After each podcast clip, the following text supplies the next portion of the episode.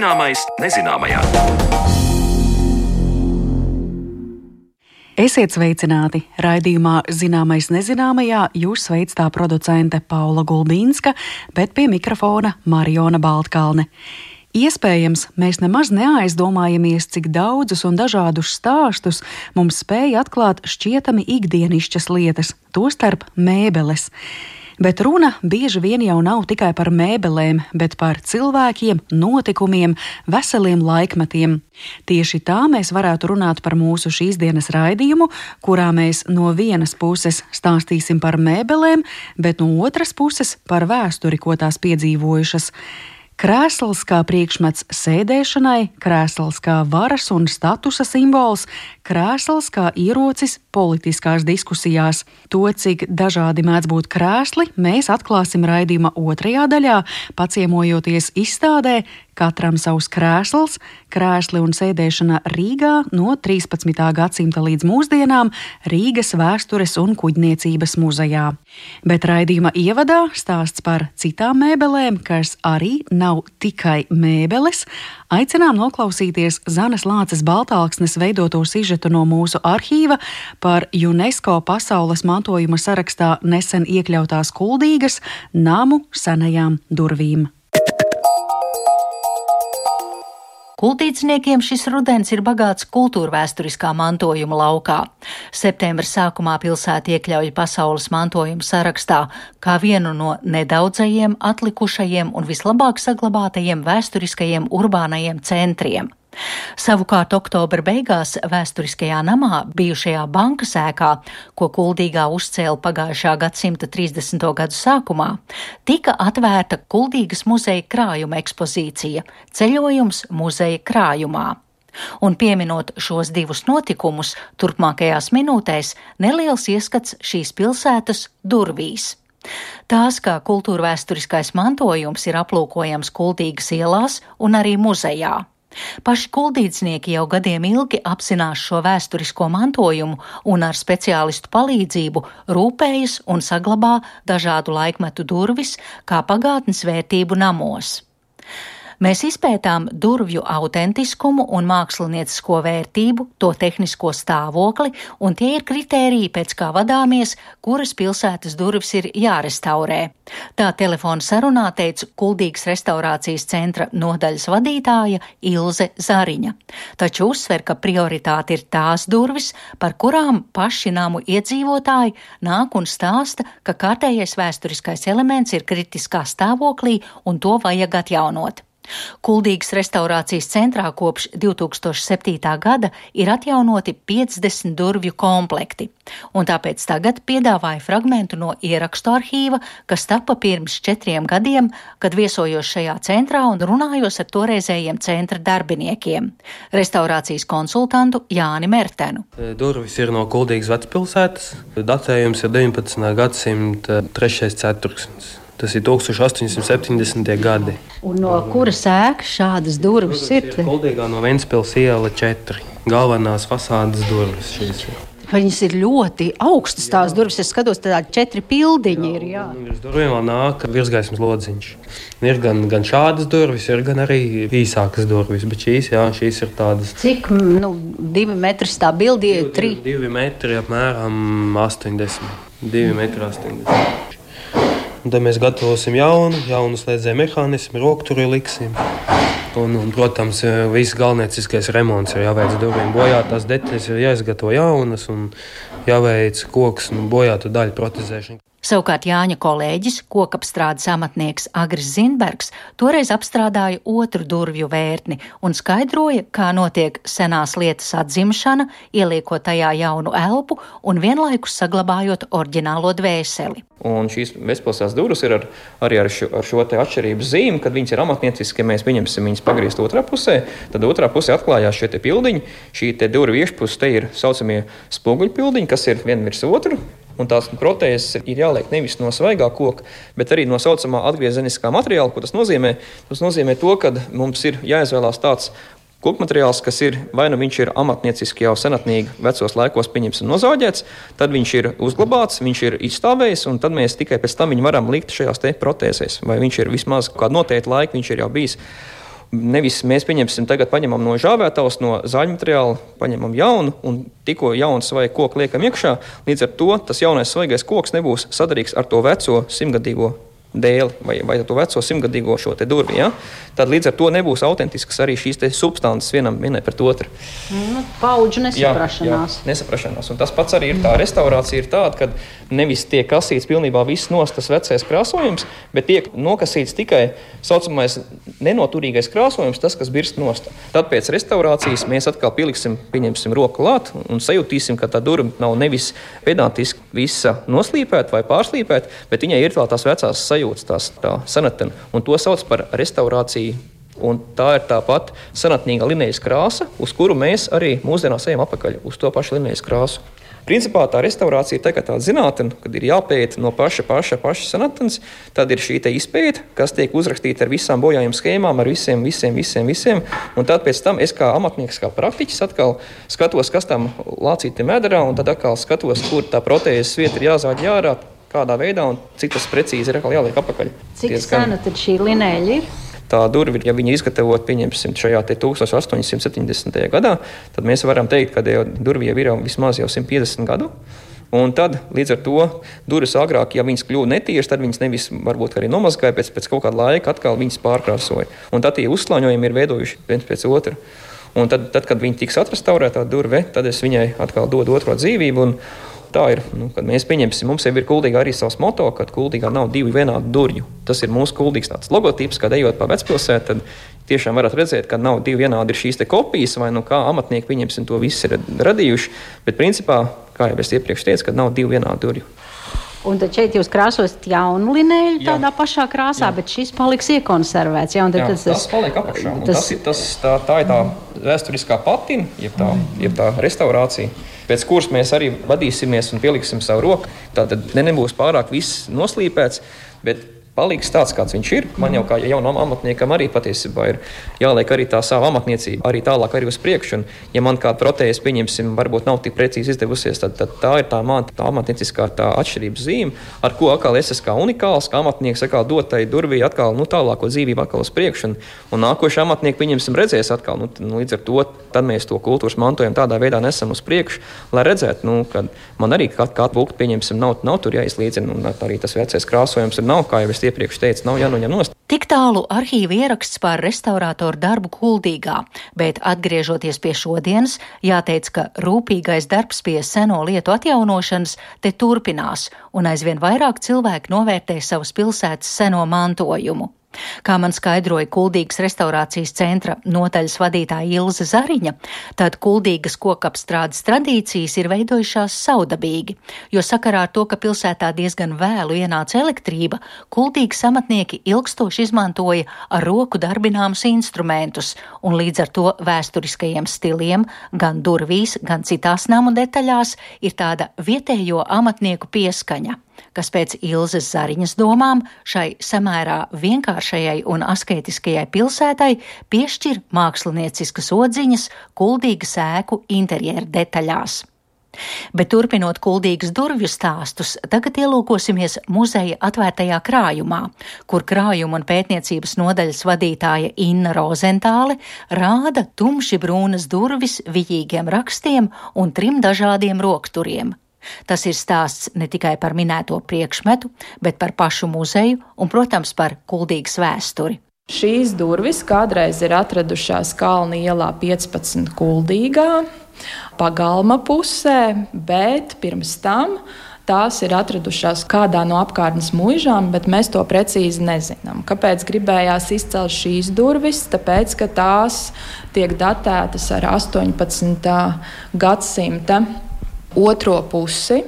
Tas ir rokoko un salīdzinoši reti sastopams, jo vairāk jau mums pilsētu vidē, nerunāju tikai par Kuldīgu, bet arī par citām Latvijas pilsētām, ir saglabājušies klasicisma durvju paraugi, bet šis ir rokoko. Un šeit man gribētos arī izcelt to, cik ir svarīgi, ka krājumā priekšmeti arī sasaucās viens ar otru un papildina savstarpējo stāstu, jo es tūlītās parādīšu. Tas ir Valfrīda Fromholda trēja zīmējums. datēts ar 1931. gadu, kur šīs durvis ir redzamas Kalnu ielā 15 pagalma pusē un kā tās ir izskatījušās 1931. gadā. Nu, te var redzēt, cik grezni ir tie durvju rokturi tajā zīmējumā, kas šeit jau ir pazuduši laika gaitā. Katras tās ir divas vērtnes, ko mēs redzam. Jā, tās ir bijušas divvielu durvis, un katrā pusītē ir bijis grazns rokturis, kas nav saglabājies. Bet tas, kas ir saglabājies un kas ir ļoti rēti Latvijas teritorijā saglabājies, ir vērtnes vidusdaļā esošais apaļais rokturīts no tā laika. Es domāju, varbūt, ja skatītos uz zīmējumu un neredzētu tagad oriģināls, teikt, tā tas ir zvans tā laika. Bet kāpēc, ja ir divi rokturi vērtnēm, vēl pa vidu tai vienā pildiņā ir apaļš metāla rokturs iestrādāts? Tas ir raksturīgs tam periodam, bet te var arī redzēt, nu, mēģināsim izstāstīt mutiski, kā ir veidojies šis durvju stāsts. Jo, ja šeit jau ir iejaucies amatnieks savulaik pēc tā 1930. gada, te var redzēt, ka pārvedot no mūžas, kur tās durvis oriģinālā ir izmantotas, apakša ir nozāģēta, lai pielāgotu kalnu ielas namam. Nu, ja tie augšējie pildiņi var redzēt, tas dekoratīvais rotājums ir daudz garāks un apakšs zīmējumā ir vienkārši tā. Noņemam nost, jā, tik liels durvis mājai nevajag. Mūžai tas ir bijis jā, vairāk. Nu, jā, un šeit savukārt jau pēc tā zīmējuma tapšanas laika amatnieks ir iejaucies un uztaisījis durvju apakšdaļu, pielāgojoties stilam, tā lai nebūtu redzami nu, šie teikt, brutālie zāģēšanas pēdas šajā priekšmetā. Bet te es skatos, nav tie graznie rokturi, bet šeit ir tad, tad, tas viens vēsturiskais, kas pa vidu ir palicis, un te ir viens apaļš rokturs un viens koka. Tā kā būtībā trīs dažādās vietās, trīs dažāda veida un, un laiku rokturi. Nu, tieši tā, nu, kā jau praktiskais cilvēks, kad tās durvis tiek jau pielāgotas, nu, ņemot vērā, ka viņas jau tika lietotas no pagalma puses, nevis no ielas puses nu, tad praktiski papildinājis, kā nu, tam cilvēkam ir bijis ērti uz to brīdi. Un durvis ap 1950. gadiem ir nonākušas muzejā, nu, un tad ir beigušās šīs pārmaiņas procesi. Bet līdz tam laikam īpašnieks attiecīgi ir papildinājis pēc savām vajadzībām un savas izpratnes. Un te var redzēt, skatoties uz zīmēm, ka tagad no tiem greznajiem, galvenajiem rokturiem abās pusēs vērtnēm, te malās, te ir jā, palikuši nospiedumi tajā kokā. Var redzēt, kāds tas eh, metāls tāds eh, ornamentēts ir bijis. Tieši tā, un tāpēc ir svarīgi, ka pētnieki izmanto daudzas avotu grupas, kas kuldīgā arī tiek darīts. Kad tiek pētīta atsevišķa ēka, tad pieaicina mākslas vēsturniekus, kuri pārzina stilus, arhitektūras pētniekus, tiek meklēti zīmējumi, tiek meklētas vēsturiskas fotogrāfijas un visu to informāciju saliekot kopā, nu tad attiecīgi veidojas tas stāsts un tiek pieņemti lēmumi par restaurācijas procesu. Un te nu, mēs runājam tieši par šīm konkrētajām durvīm, bet gribētos izcelt arī Valfrīdu Fromholdu Treju kurš 20. un 30. gados ir zīmējis ļoti daudzus objektus kuldīgā, gan ielu skatus, gan atsevišķas detaļas, gan iekštelpās ir atsevišķas podziņu krāsnes viņš zīmējis. Tagad tie ir kļuvuši par vērtīgiem avotiem, jo atsevišķas šīs celtnes vai nu ir padomu laikos pārveidotas, vai teiksim, ir uzklāti krāsas slāņi, un pēc zīmējumiem var redzēt, kas tad zem tiem krāsas slāņiem būs. Kas viņš ir bijis, tas trejs, vai jums ir informācija? Jā, viņš ir bijis pedagogs, novadpētnieks, un ar ko mēs ļoti lepojamies. Viņš bija viens no tiem cilvēkiem, kurš inicijēja un veicināja Kuldīgas muzeja izveidošanos. Viņš ir strādājis arī muzejā, un līdz ar to mums ir gan viņa zīmējumu kolekcija, gan arī daudzi priekšmeti no dažādiem laika periodiem, ko viņš ir nodevis oficiāli muzeja krājumam. Tāds bija stāsts par kuldīgas seno mantojumu un tā saglabāšanu, par durvīm, kas nāk no pagātnes un turpina glabāt vēsturisko vēstījumu nākamām paudzēm.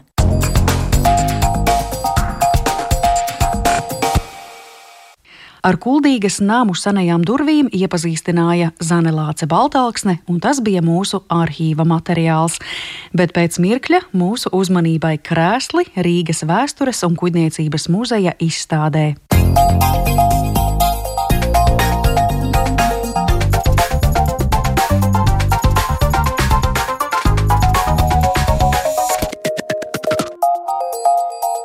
Zināmais nezināmajā.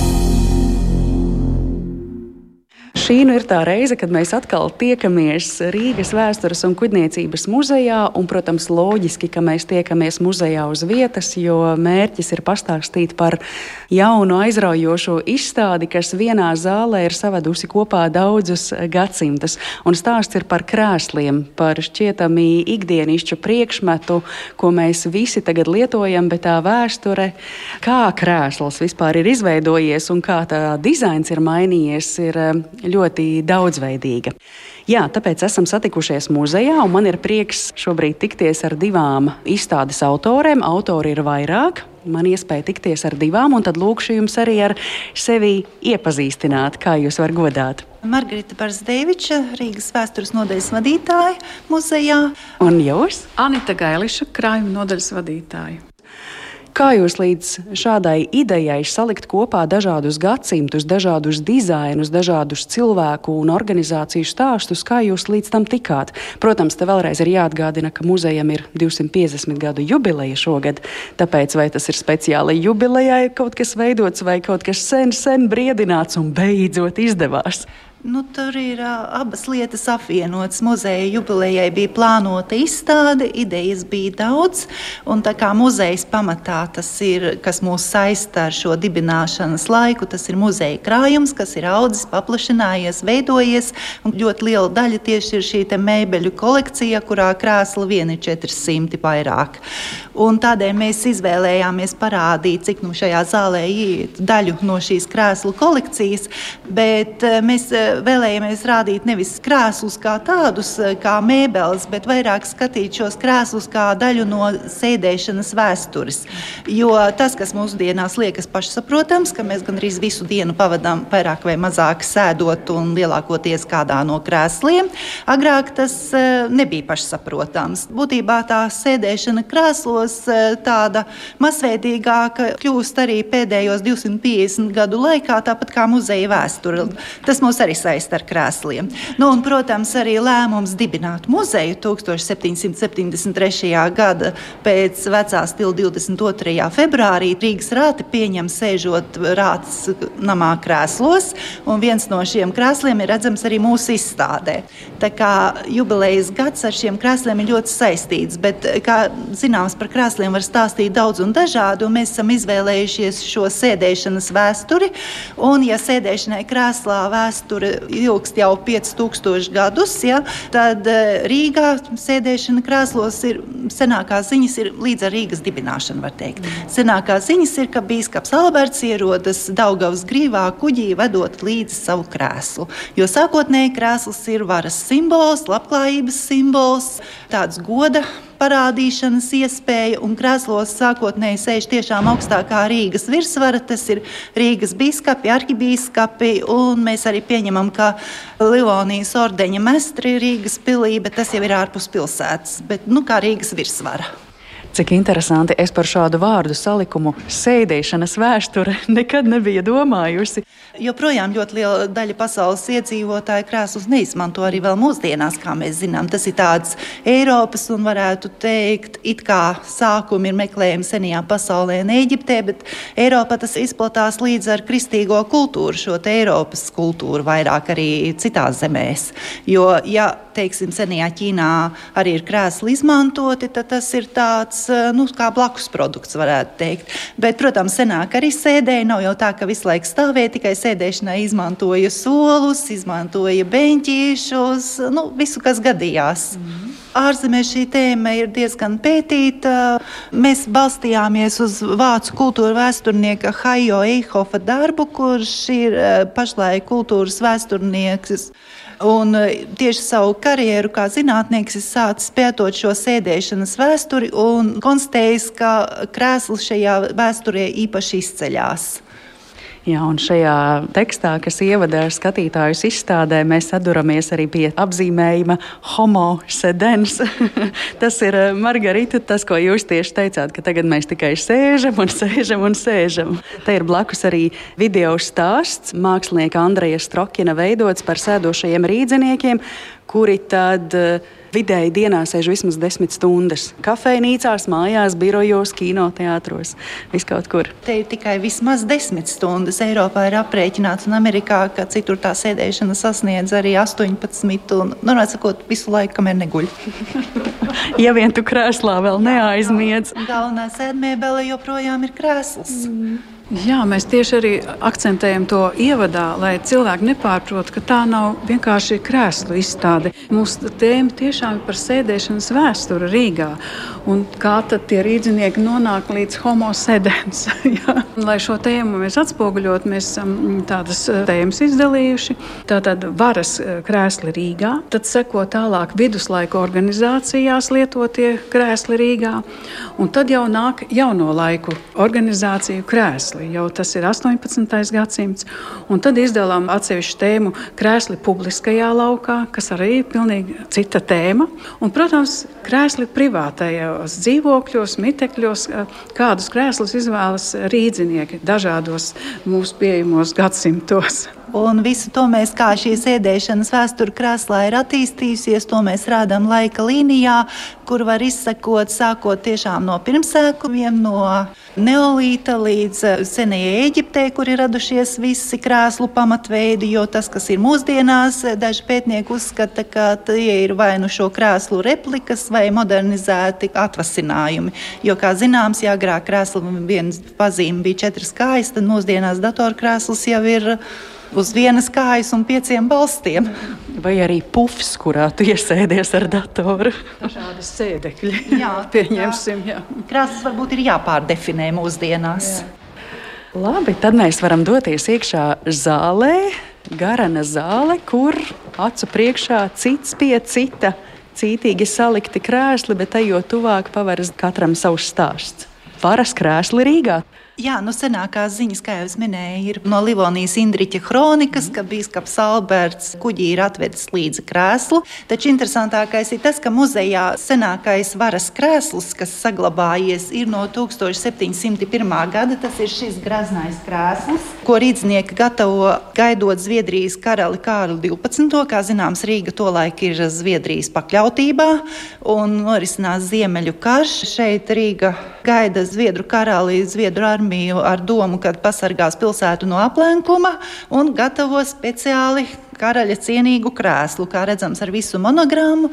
Taču, diemžēl, vēsture ir tāda, ka Kārs 12. teica gatavoties nākamajai kaujai. Tā ir spilvas kauja, kurā arī gūst uzvaru, bet eh, krēsls paliek neizmantots. Kārlis viņā neiesēžas to laiku. Mm. Taču, protams, rīznieki ir praktiski ļaudis un krēslu izmanto vēlāk pārsadzot ar atbilstošu pārsegu, lai sagaidītu nākamo pilsētas virsvaru, jo, kā zināms, Rīgu iekaro Krievijas armija un šajā krēslā Rāts laukumā tiek sagaidīts Krievijas ģenerālfeldmaršals Boris Šeremetjevs.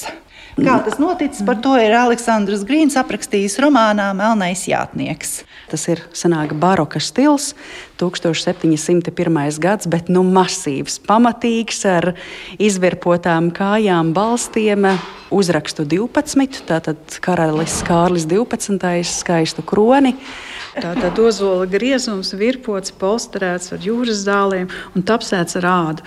Un uh, restaurātori sakopjot krēslu, man atklāja, ka zem šī virsējā tapsējuma ir vēl viens ādas pārklājums. Tā kā krēsls ir vairāk kārt restaurēts. Krēsla liktenis vispār ir interesants. Tam, kam viņš tika izgatavots, neiesēdās. Tad uh, Rīgā notiek plūdi. 1709. gadā. Un krēsls atradās tajā laikā principā Rīgas domā, baznīcā. Un tur tie plūdi, un tur tas apraksts par tiem plūdiem ir dramatisks, ka tur līķi peldējuši pa baznīcas grīdu un kapa plāksnes, un, protams, ka tas krēsls arī tur peldēja, izmircis. Un tad Rīgas rāte viņu pēc kāda laika arī restaurēja, ir ziņas ap 1840. gadu, un tad jau krēslu pārvietoja uz Rīgas rāti. Un savukārt, kad izveidojās Doma muzejs Rīgā, kad uzcēla šo ēku muzejam. Tad uh, Rīgas rāte krēslu nodeva muzejam. Beidzot viņš kļuva par eksponātu. bet droši vien tad Šeremeķevs nebija vienīgais, kurš tajā apsēdās, bet par citām tik spilgtām personībām varbūt zīmējumu nav. Nu, nav mums ziņu, bet toties mēs zinām pēc šīs Rīgas rātas gleznas, ka pilsētas pārvalde, tātad Rīgas rātskungi krēslos ir sēdējuši jau 17. gadsimtā. Un kāpēc mēs to tā izceļam? Jo, piemēram, lielā ģilde, mazā ģilde, ja, arī Melngalva joprojām turpina sēdēt uz soliem. Un viņa augstākā organizācija tā arī saucas mazās ģildes vecajos solis vai lielās ģildes attiecīgi. Jā, jūs eh, izstādes ievadā esat arī novietojuši zīmējumu, kas ir eh, lielās ģildes zīmējums, kur tie ģildes vecie arī sēdēja tajos solos. Tas ir eh, akvarelis Friedricha Nikelsa akvarelis 1849. gads. Jā, un mēs arī zīmējumā varam redzēt, kā viņi gar sienām, ģildes zālē ir lādes ar atveramu vāku. Tur var ielikt kādus dokumentus. Tātad gluds vāks. Uz tā vāka var uzlikt arī spilventiņus, lai ērtāk sēdēšana. Un uh, gar sienām tādi koku paneļi, kā tāda atzveltne kalpo.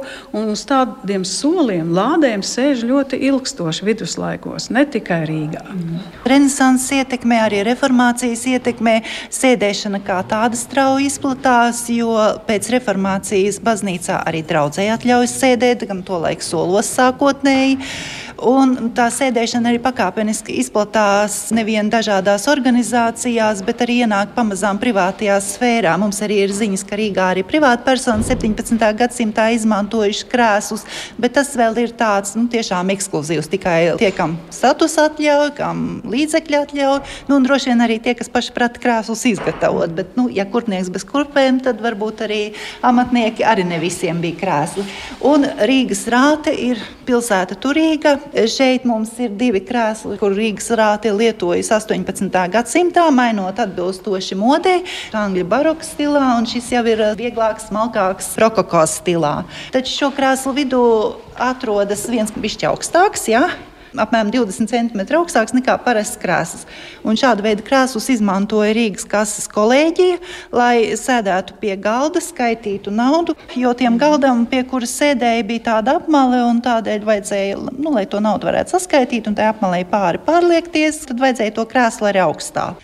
Varas krāsas sākotnēji tiešām ir gods, slava, labklājība. Tur par ērtībām neviens nedomā. Mm. Bet ar laiku krēsli paliek vieglāki, arī ērtāki. Tā kā sēdēšana kļūst demokrātiskāka un arī varas krēsli kļūst eh, ērtāki sēdēšanai, tādi pielāgoti atbilstoši gan modei, gan ergonomikai, bet tas ir vēlāk. Mm. Jā, un tad mēs nonākam mūsdienās, kad pa varas krēslu jau kļūst eh, birojs. biroja krēsls, bet, eh, kā atzīmē pētnieki, arī ne tikai Rīgas domē, bet arī citur galveno vadītāju krēslu tomēr ir vai nu izmērā lielāki, vai arī pišķi labākas kvalitātes, ergonomiskāk. Tātad varas krēsls, lai gan būtībā ir kļuvis ļoti demokrātisks un ergonomisks, bet pēc būtības savu nozīmi nav zudis. Arī mūsdienās notiek cīņa par varu, sēž uz diviem krēsliem un tā tālāk. Jā, paskatieties, pat izteicienā mums Jā. tas ir ienācis, vai ne, sēdēt uz diviem krēsliem. Cīņa par krēsliem, par... sēdēšanu uz diviem krēsliem. Krēslu dalīšana. Krēslu dalīšana. Nerunā par vēlēšanām, bet runā par krēslu Jā. dalīšanu vai ne? Mm. Krēslu ieņemšanu. Tagad mēs esam izstādes uh, otrajā pusītē. mēs joprojām runāsim par varas krēsliem, jo viduslaiku profesionālo organizāciju krēsli, nu, tā ir zināma vara pilsētā. Lielās ģildes vecajos solis tomēr nu, pārvalda to Rīgas ekonomiku, var teikt. Un uh, pats vecajos solis sēž tādā uz tiem soliem ļoti ilgstoši, bet šis krēsls ir liecina par to, ka jau 18. gadsimta pirmajā ceturksnī arī ģildes vecajos solis sāks sēdēt uz krēsliem.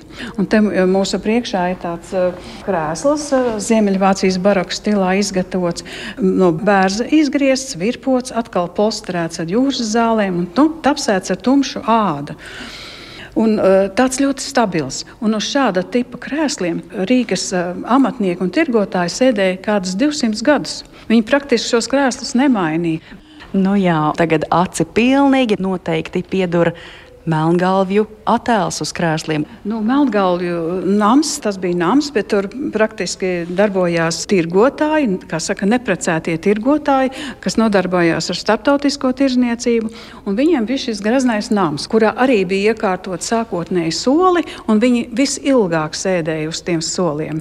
Un tikai, redzat, 19. gadsimta 50. gados iegādājas šo grezno zāles iekārtu, tāds eklektisma stilā, skaists uzolkoka griezums un tapsēts ar tādu sūnu zaļu zīdu. Mēs redzam arī izšūtu melngalvju brālības ģerbonīti. Tas ir svētais Maurīcijas, svētā Maurīcija galviņa melnā. Un šī graznā Melngalnām zāle galvenokārt domāta koncertu apmeklētājiem, tāpēc arī tāds mīksti polsterēts ar zīdu apvilkts. Ja? Bet blakus viņam ir krēsls, kas ir apsēts ar ādu. Un blakus šai svētku zālē bija arī tāda konferenču istaba, kur Melngalvi brālības um, amatavīri pulcējās un sprieda savas lietas. Un te ir ļoti, ļoti grezni šie ādas spiedumi, ģerbonīši uz atzveltnēm. Ģerbonis šeit pa visu atzveltni tāds jā, jā. liels skaits Maurīcija. Un, un tad, kad uh, Rīgā atjaunoja Melngalvu namu, tad um, izgatavoja arī krēslus, protams, pēc šiem prototipiem, kas glabājās mūsu muzejā. Un, nu, organizācijām ir tāds liktenis, kad viņas likvidē, tad notiek uh, cīņa, interese par to, kur nonāks inventārs. Ja? Muzeja vienmēr izvirsa savas prasības. Nu, tā arī 1940. gadā mazās lielās ģildes un melngalnām krēsli nonākuši muzejā. Un tagad mums ir mazās ģildes, vecajā sola amata krēsls. Jā, šeit ir vecākais krēsls no 18. gadsimta 40. gadiem. Arī tāds pats ādas krēsls baroka stilā kā lielās ģildes krēsls. Ja? Un atkal es atzīmēšu to, ka uz šī krēsla viņi sēdēja kāds 200 gadus. Tomēr moda mainās. Mazā ģilde ir uzcēlusi sev jaunu namu, neogotiskā stilā, nu, un arī to interjeru maina. Un 1895. Gadā vecajos stols izgatavo jaunus krēslus. Un šeit no jaunajiem krēsliem, salīdzinoši jaunajiem no 19. gadsimta beigām, mēs rādām trīs krēslus, trīs amatu krēslus. Eltermaņa krēsls, tas ir vecākais, tas jā. ir pats lielākais, vecākais. Jā protokolista krēsls un vecākā krēsls. Un vecākā krēsla mēs varam pagrozīt uz tādas ripas, lai mēs viņu apskatītu no visām pusēm. Un interesanti, ka parādās dažādi uzraksti uz tiem krēsliem. Principā uz visiem ir mazās ģildes ģērboņi, tad uh, uz atzveltnēm ir konkrētā sēdētāja iniciāļi. Piemēram, uz šī vecākā krēsla BJ, un mēs lasām, ka tas ir Fogela kungs. Un viņš ir Müllers, viņš ir dzirnavnieks šajā gadā. Bet interesants, ka uz rēļa ir uzraksts cits - Müllers, uzvārds Müllers, un ka viņš ir Knokenhauers, ka te ir viens uh, pogu taisītājs, sēdējis 1723. gadā. Tātad tie ir dažādi amati, vai ne? Tie ir dažādi amati, bet uh, mazā ģilde ievēro gadsimtu tradīcijas. Viņiem ir svarīgi zināt, kas ir iepriekš sēdējuši šajos krēslos. Un tajā 1723. gadā mazās ģildes vecajā solā vecākais bija šis Knokenhauers, pogu taisītājs. Viņa iniciāli monogramma ir uz sēdvietas, uz jaunā krēsla sēdvietas. Krēsli vienmēr ir bijuši personalizēti, un tas ir ļoti svarīgi. No nu, arī tādā veidā viņi parāda savu varu iekšienē, savā vecajā solā. Un, un laiki mainās, krēsli paliek arī vecajā solā, un te ir glezna un portrets jau nākamā gadsimta Eltermanis Ludvigs Saje. Un portretēts viņš ir 1927. gadā, un sēž viņš šajā vecajā Eltermaņa krēslā. Ļoti skaists portrets, un par to jauno laiku liecina arī tas, ka viņš ir saņēmis zināmā gadā trīs zvaigžņu ordeni. Ja? Tāda pārmantojamība, tradīciju ievērošana, lepošanās ar tradīcijām. Tāda ir šo viduslaiku organizāciju amatu krēsli. Jūs redzat, kā šie krēsli parāda arī to pārticību lielā ģilde, mazā ģilde ir pārtikušas organizācijas. Un, protams, ir arī ļoti svarīgi Rīgas uh, viduslaika pilsētā tirzniecības palīga amati. Ar tiem vairāk nodarbojās uh, Latviešu brālības, un viņiem arī bija savas organizācijas, Latviešu brālības. Un te, piemēram, mēs redzam zvejnieku brālības krēslu. Gadsimts ir tas pats, kā mazai un lielai ģildei no 18. gadsimta. Arī stils tas pats, nu, tāds um, baroka stils, tikai mēs redzam tie materiāli, no kā ir izgatavots zvejnieku krēsls, ir tāds tā kā vienkāršāks, ja? bet tā pašā laikā viņš saglabā tā stila to formu. Meldru pinums Jā, tas ir. Nu, izgatavots no kļavas, virpots un ar meldru pinuma sēdekli. Tā kā nu, tāds vispār ergonomisks sēdēšana ir ērtāks. Jā. Jā. Nu, laika mainās, un nu, 18. gadsimtā krēsls ir kļuvis par parastu, ierastu ērtību. Uz soliem sēž joprojām, ja, bet krēsls ir jau jā, iegājies sadzīvē, un Rīgā arī izveidojas krēslinieka amats šajā gadsimtā. Jo iepriekš krēslus izgatavoja galdnieki, tapsētāji, virpotāji, tādi amati Rīgā. Tagad ir tie jauno organizāciju krēsli. Jā, ja? jā. Mm -hmm. Un, pirmā tāda jaunā laika organizācija, kas dibinās 18. gadsimta beigās, ir Rīgas brīvmūrnieku ložas. Un viņu galvenais amats saucās krēsla meistars. Un atkal dīvaini kā vārdu spēle. Mēs domājam, krēsla meistars tas būs galdnieks. Mēs tādu saprotam, ah, krēslu izgatavojas tas galdnieks, krēsla meistars. Bet šeit, šajā vārdā saglabājas arī amata nosaukums - krēsla meistars. Viņš ir varas pārstāvis šajā ložā.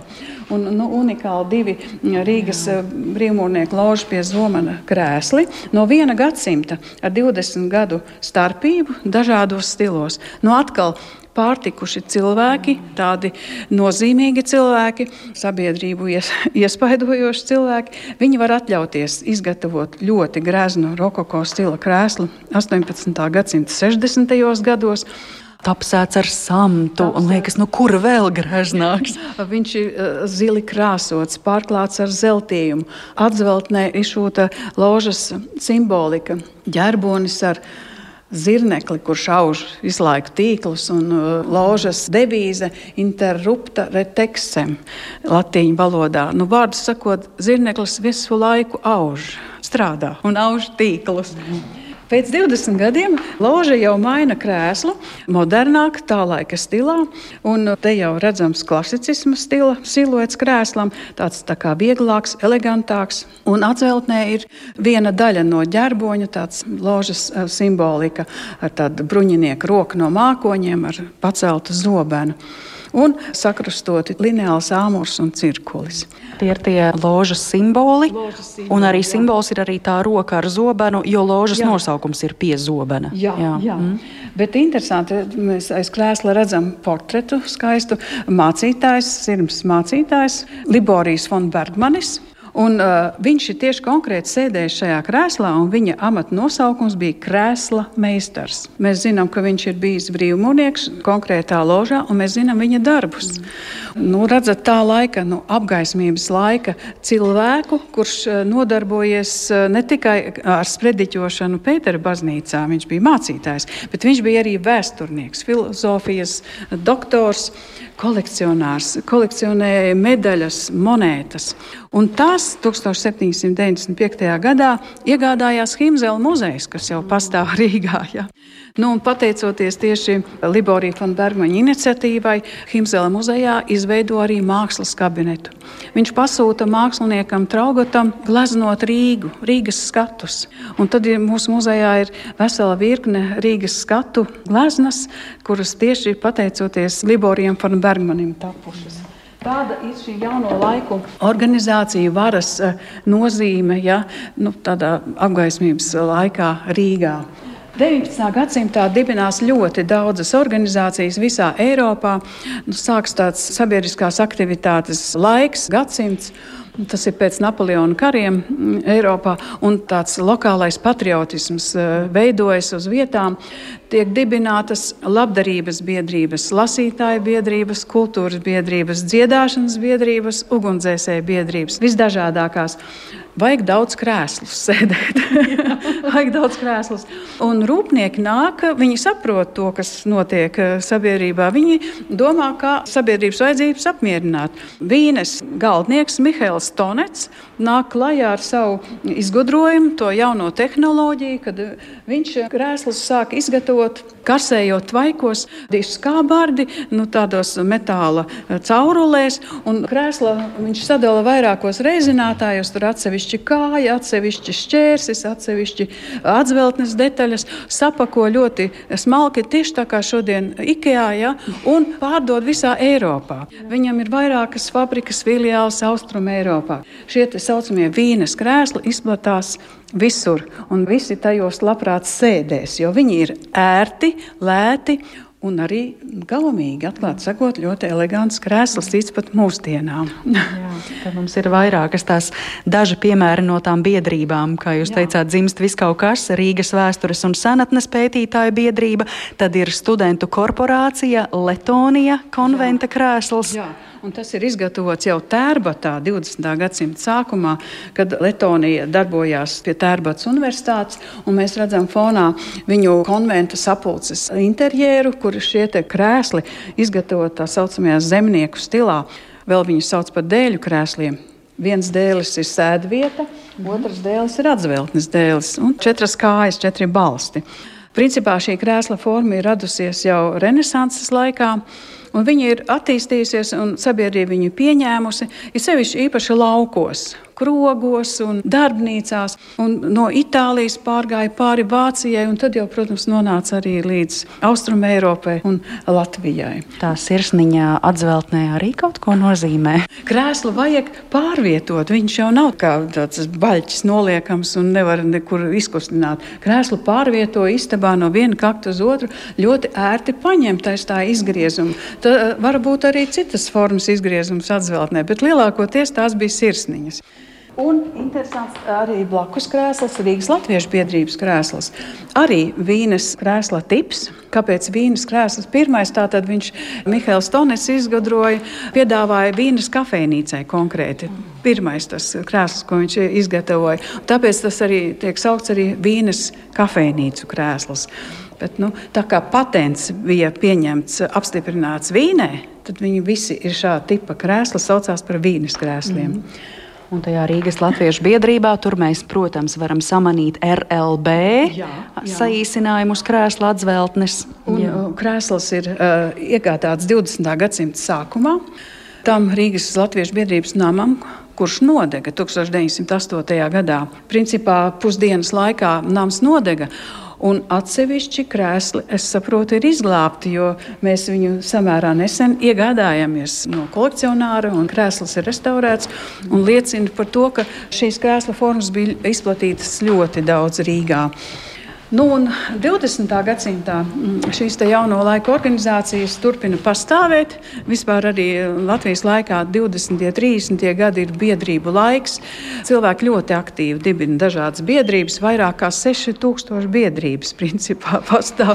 Un visiem ir savi interjeri, inventāri. Un te lūk ir virsnieku kluba krēsls no 1920. gadiem. Un pie tā ir dizaina piestrādājis mākslinieks Jūlijas Madernieks ar tādu tukšu viduci, tur, kur būtu dibens jāliek. Jā, mēs nezinām, kāds tur ir bijis. Uz šobrīd tāds viņš ir saglabājies, bet, uh, lai mēs nejauktu pēdas vēsturē, mēs nevaram apgalvot, kas tur ir bijis. Mēs tādu arī tukšu atstājam. Protams, uh, skolniekiem ir citas interpretācijas, viņiem patīk pajokoties, bet mēs labprāt arī ļaujam viņiem to darīt. Vēl ir divas ļoti svarīgas izstādes tēmas - krēsli publiskajā laukā un krēsli privātpersonu dzīvokļos, mitekļos. Jā. Interesanti, ka krēsli publiskajā laukā, tātad 18. gadsimtā, ir jau ļoti populāri. Visi mēs zinām, ka Rīgā izveidojas teātris 1782. gadā, un tur bija 500 krēslu sēdvietas. Un, ziniet, nu neviens nav saglabājies. Mm. Tas ir vispār dīvaini, ka publiskajā telpā parasti ļoti daudz krēslu. Tur ļoti daudz cilvēku sēž, bet saglabājušies līdz mūsdienām ir ļoti maz. Un te mēs rādām trīs mm, krēslus. Viens ir no dārza kafejnīcas, saliekams krēsls no metāla kājām, un fonā mēs redzam fotografiju, kur tādas krēsla redzam vērmanas dārzā. Tā ir kafejnīca, kur kungi sēž. Ļoti daudzi kungi sēž, bērni arī sēž. Šie saliekamie metāla krēsli bija ļoti izplatīti Eiropā, līdzvērtīgi tiem vīnes krēsliem. Un šos krēslus ražoja Vācijā, lielākoties Zolingenē. Šis ir vienīgais tāds unikālais krēsls, kas ir saglabājies. Mēs viņu redzam arī šeit, kad kafejnīcā Basteikalnā. Kafejnīca dāma sēž un viņu apkalpo viesmīļi. Bet atkal publiskā lauka krēsls un ļoti maz saglabājušies. Nu, ļoti nonēsāti, nolietoti krēsli. Tad, acīm redzot, plaši izmantoti. Un te blakus dārza krēsls, ārā publiskais lauks, un te ir fotografija, kur mēs redzam krēslus restorānā Jāņa Pagrabs kas ir zem mazās ģildes ēkas. Ja? Atkal viens vienīgs krēsls saglabājies. Un te ir mūsu opera. Maziņš, maziņš krēsls. Un tas ir no Latvijas Nacionālās operas 1920. un 30. gadi. Tāds ļoti asketisks, 20. Eh, gadu nu, ardeko stils. Maz cilvēku kaut kā tā spēj tam noticēt. Jo te ir, mēs rādām mūsdienu fotografiju, tagadējās operas velitāžu zāles kafejnīca, un te ir tieši tādi paši krēsli mūsdienās. Cilvēki pat nevar aptvert to, ka viņi starpbrīdī kafejnīcā sēž uz vairāk kā simts gadu veciem krēsliem. Un interesanti, ka 89. gadā, kad Rīgu apmeklēja trimtas tautieši plaši, un avīzē bija rakstīts tāds tekstiņš, ka ak, Dievs, kādi noplukuši krēsli operas namā. Jūs saprotiet, nu tagad pēc tam sekoja operas nama atjaunošana un jauns interjērs. Nu, un, un šis ir plašums no privātu personu krēslu kolekcijas ar konkrētām personībām, kas katram ir piederējis. Jā, ja? Bija ļoti grūti izvēlēties, eh, kuru personu krēslus mums izvietot, bet eh, nu, vajadzēja parādīt eh, dažādu kārtu cilvēkus, dažādu interešu cilvēkus. Un te nu, mēs tagad redzam krēslu izvietot trīs rindās. Un te ir krēsls, kas muzejā nonāca no baroneses Helēnas von Fitinghofas kabineta garnitūras. Baronese 1939. gadā pamet Rīgu, dodas uz Vāciju un pārdod muzejam šo garnitūru, eklektikas stilā. Viņš ir tāds ar taisnām kājām, kanelūra griezumi, viņš ir polsterēts ar atspērēm. Jau 19. gadsimta vidū polsterējums mainās, tur parādās atspēru polsterējums, pārvilkts ar tādu gobelēnu audumu, skaistu ar puķītēm. Atzeltnē mēs tādu vairogu formu redzam, un arī porcelāna medaļons. Nu, krēsls katrā ziņā liecina par šīs personas to gaumi statusu. Nu, tad, kad atjaunoja 90. gados mūsu Nacionālo operu, tad uh, arhitekte izvēlējās tieši šo krēslu kā prototipu mūsdienu operas krēsliem. Dažādu laiku bērnu, bērnu krēsli. Mm. Bērnu krēsli ir tieši tādi paši kā pieaugušo krēsli, tikai mazāki. Ja? Mm. Nu, te ir no 19. gadsimta beigām. Tēvs ir no Lazda klūdziņām izpinis krēslu maziņu, gandrīz kā alā vīnes krēsls. te arī fotografija, te tāds mazs puišels sēž tieši tādā pašā krēslā. Un te jau ir no padomju laikiem, no 70. gadiem, no 80. gadiem bērnu krēsliņi saliekams tāds um, vasarnīcas krēsls. Konkrēti mēs zinām, kurā Rīgas rūpnīcā izgatavots. Un te jau ir 80. gadu krēsls, ar kuru mēs arī rādām jaunās tehnoloģijas, kad uh, liektais saplāksnis parādās uh, galdniecībā. Plaša patēriņa prece, vai ne? Patēriņa prece. Diemžēl mums lielāka krēsla nav, bet mēs esam priecīgi, ka mums ir maza bērna krēsls. Mm. Bet kāpēc mēs viņu šeit rādām? Kāpēc mēs viņu vispār mm, komplektējām muzeja kolekcijā? Tāpēc, ka viņš rāda laiku, viņš rāda šo te jauno tehnoloģiju, un viņš rāda arī šo tā laika tradīcijas ilgspējību un, un arī to principā diezgan lielo trūcīgumu tajā laikā. Šo krēslu ir lietojuši mūsu muzeja māmiņu trīs bērni. Vairāk nākamākās paudzēs. Un tas atkal pastāsta par to, ka kaut kas tiek lietots ilglaicīgi. Jā. Mēs to pirmīt ar ģildēm sasaistījām, un te kaut jā, kas līdzīgs jā. parādās. Tātad Liepāja ražošanas apvienība Baltija pagājušajā gadsimtā 80. gadu sākumā tapis bērnu krēsliņš. Nu, un, protams, jā, vēl tās spilgtās personības ir uh, Grosvaldi, Grosvaldu ģimene un uh, Kristaps Morbergs mecenāts, kuriem piederēja šie krēsli, jā, jā. arī ir atrodami šeit. Bet iedomājieties, Grosvaldu ģimenei piederēja deviņi istabu dzīvoklis. Un uh, palicis tas, kas palicis. Mēs viņu rādām arī tāpēc, ka nu, viņš ir konkrētai mm, personai piederējis, bet mēs gribam arī parādīt krēslu attīstības veidu. Viņš ir tā saucamais klismos, uz klismos kājām veidots. Mm -hmm. Senajā Grieķijā radies krēsla veids, kurš īpaši uzplaukst Bidermeja laikā 19. gadsimta vidū. Ļoti populārs mēbeļu stils tieši Bidermeja laikā pilsoniskajās aprindās. -hmm. Nu, jā. Jā, te tāda relaksācijas zona, kad ir apskatīti visi krēsli, var apsēsties uz šiem pufiem un noklausīties, ko mums runā par krēsliem un sēdēšanu. Fizioterapeits Artis Ruis, filozofs Raivis Bičevskis, kultūra vēsturnieks jau pieminētais Hajo Ekovs un dizainers Germans Ermičs. Katram ir savs skatījums Jā. uz to sēdēšanu, nevis par krēsliem, bet par tieši par sēdēšanu. Un tas varētu būt interesanti, kad cilvēks gribētu ilgāk pakavēties izstādē mums. Savukārt otrs interaktīvs elements izstādē ir Margaritas Barsdevičas jau pieminētā laika līnija, kur apmeklētājs slidinot ekrānu var iepazīties, kā sēdēšana attīstījusies Eiropā un Rīgā, kā tā sākusies no senajiem laikiem Ēģiptē, Grieķijā, Romā līdz metāla un plastmasas krēslu izplatībai jau krietni jaunākos gadsimtos, tāpat arī šūpuļkrēsliem, relaksācijas un masāžas krēsliem. Ekskursijas noslēgumā vēl aplūkojam muzeja rīcībā esošus krēslus, kas ierakstīti Latvijas kultūras kanonā, un šis ir izstādes turpinājums pastāvīgajā ekspozīcijā vai faktiski pat sākums. Kanonā iekļauta mākslinieka Anša Cīruļa radītā Rīgas pils sūtņu akreditācijas zāles interjera daļa, četru krēslu grupa un galds. Viens no krēsliem ir stulpiņa formā, jeb tā saucamais elkoņa krēsls. Tā atzveltni veido viens koka zars, uz kura paredzēts uzlikt tikai vienu elkoni, nevis atstutēt visu muguru. Rīgas pils sūtņu akreditācijas zāles interjers tika izveidots pagājušā gadsimta 20. gadu beigās. Krēsli ilgstoši lietoti, bet vēlāk tie nonāca Rīgas skolēnu pilī, no kuras tad padomju periodā 80. gados šo mēbeļu komplektu ieguva Rīgas vēstures un kuģniecības muzejs. Izstādes katram savs krēsls, krēsli un sēdēšana Rīgā no 13. gadsimta līdz mūsdienām sagatavošanā iesaistījusies liela komanda. Projekta vadītāja ir Rīgas vēstures un kuģniecības muzeja direktora vietniece zinātniskajā darbā Ilona Celmiņa.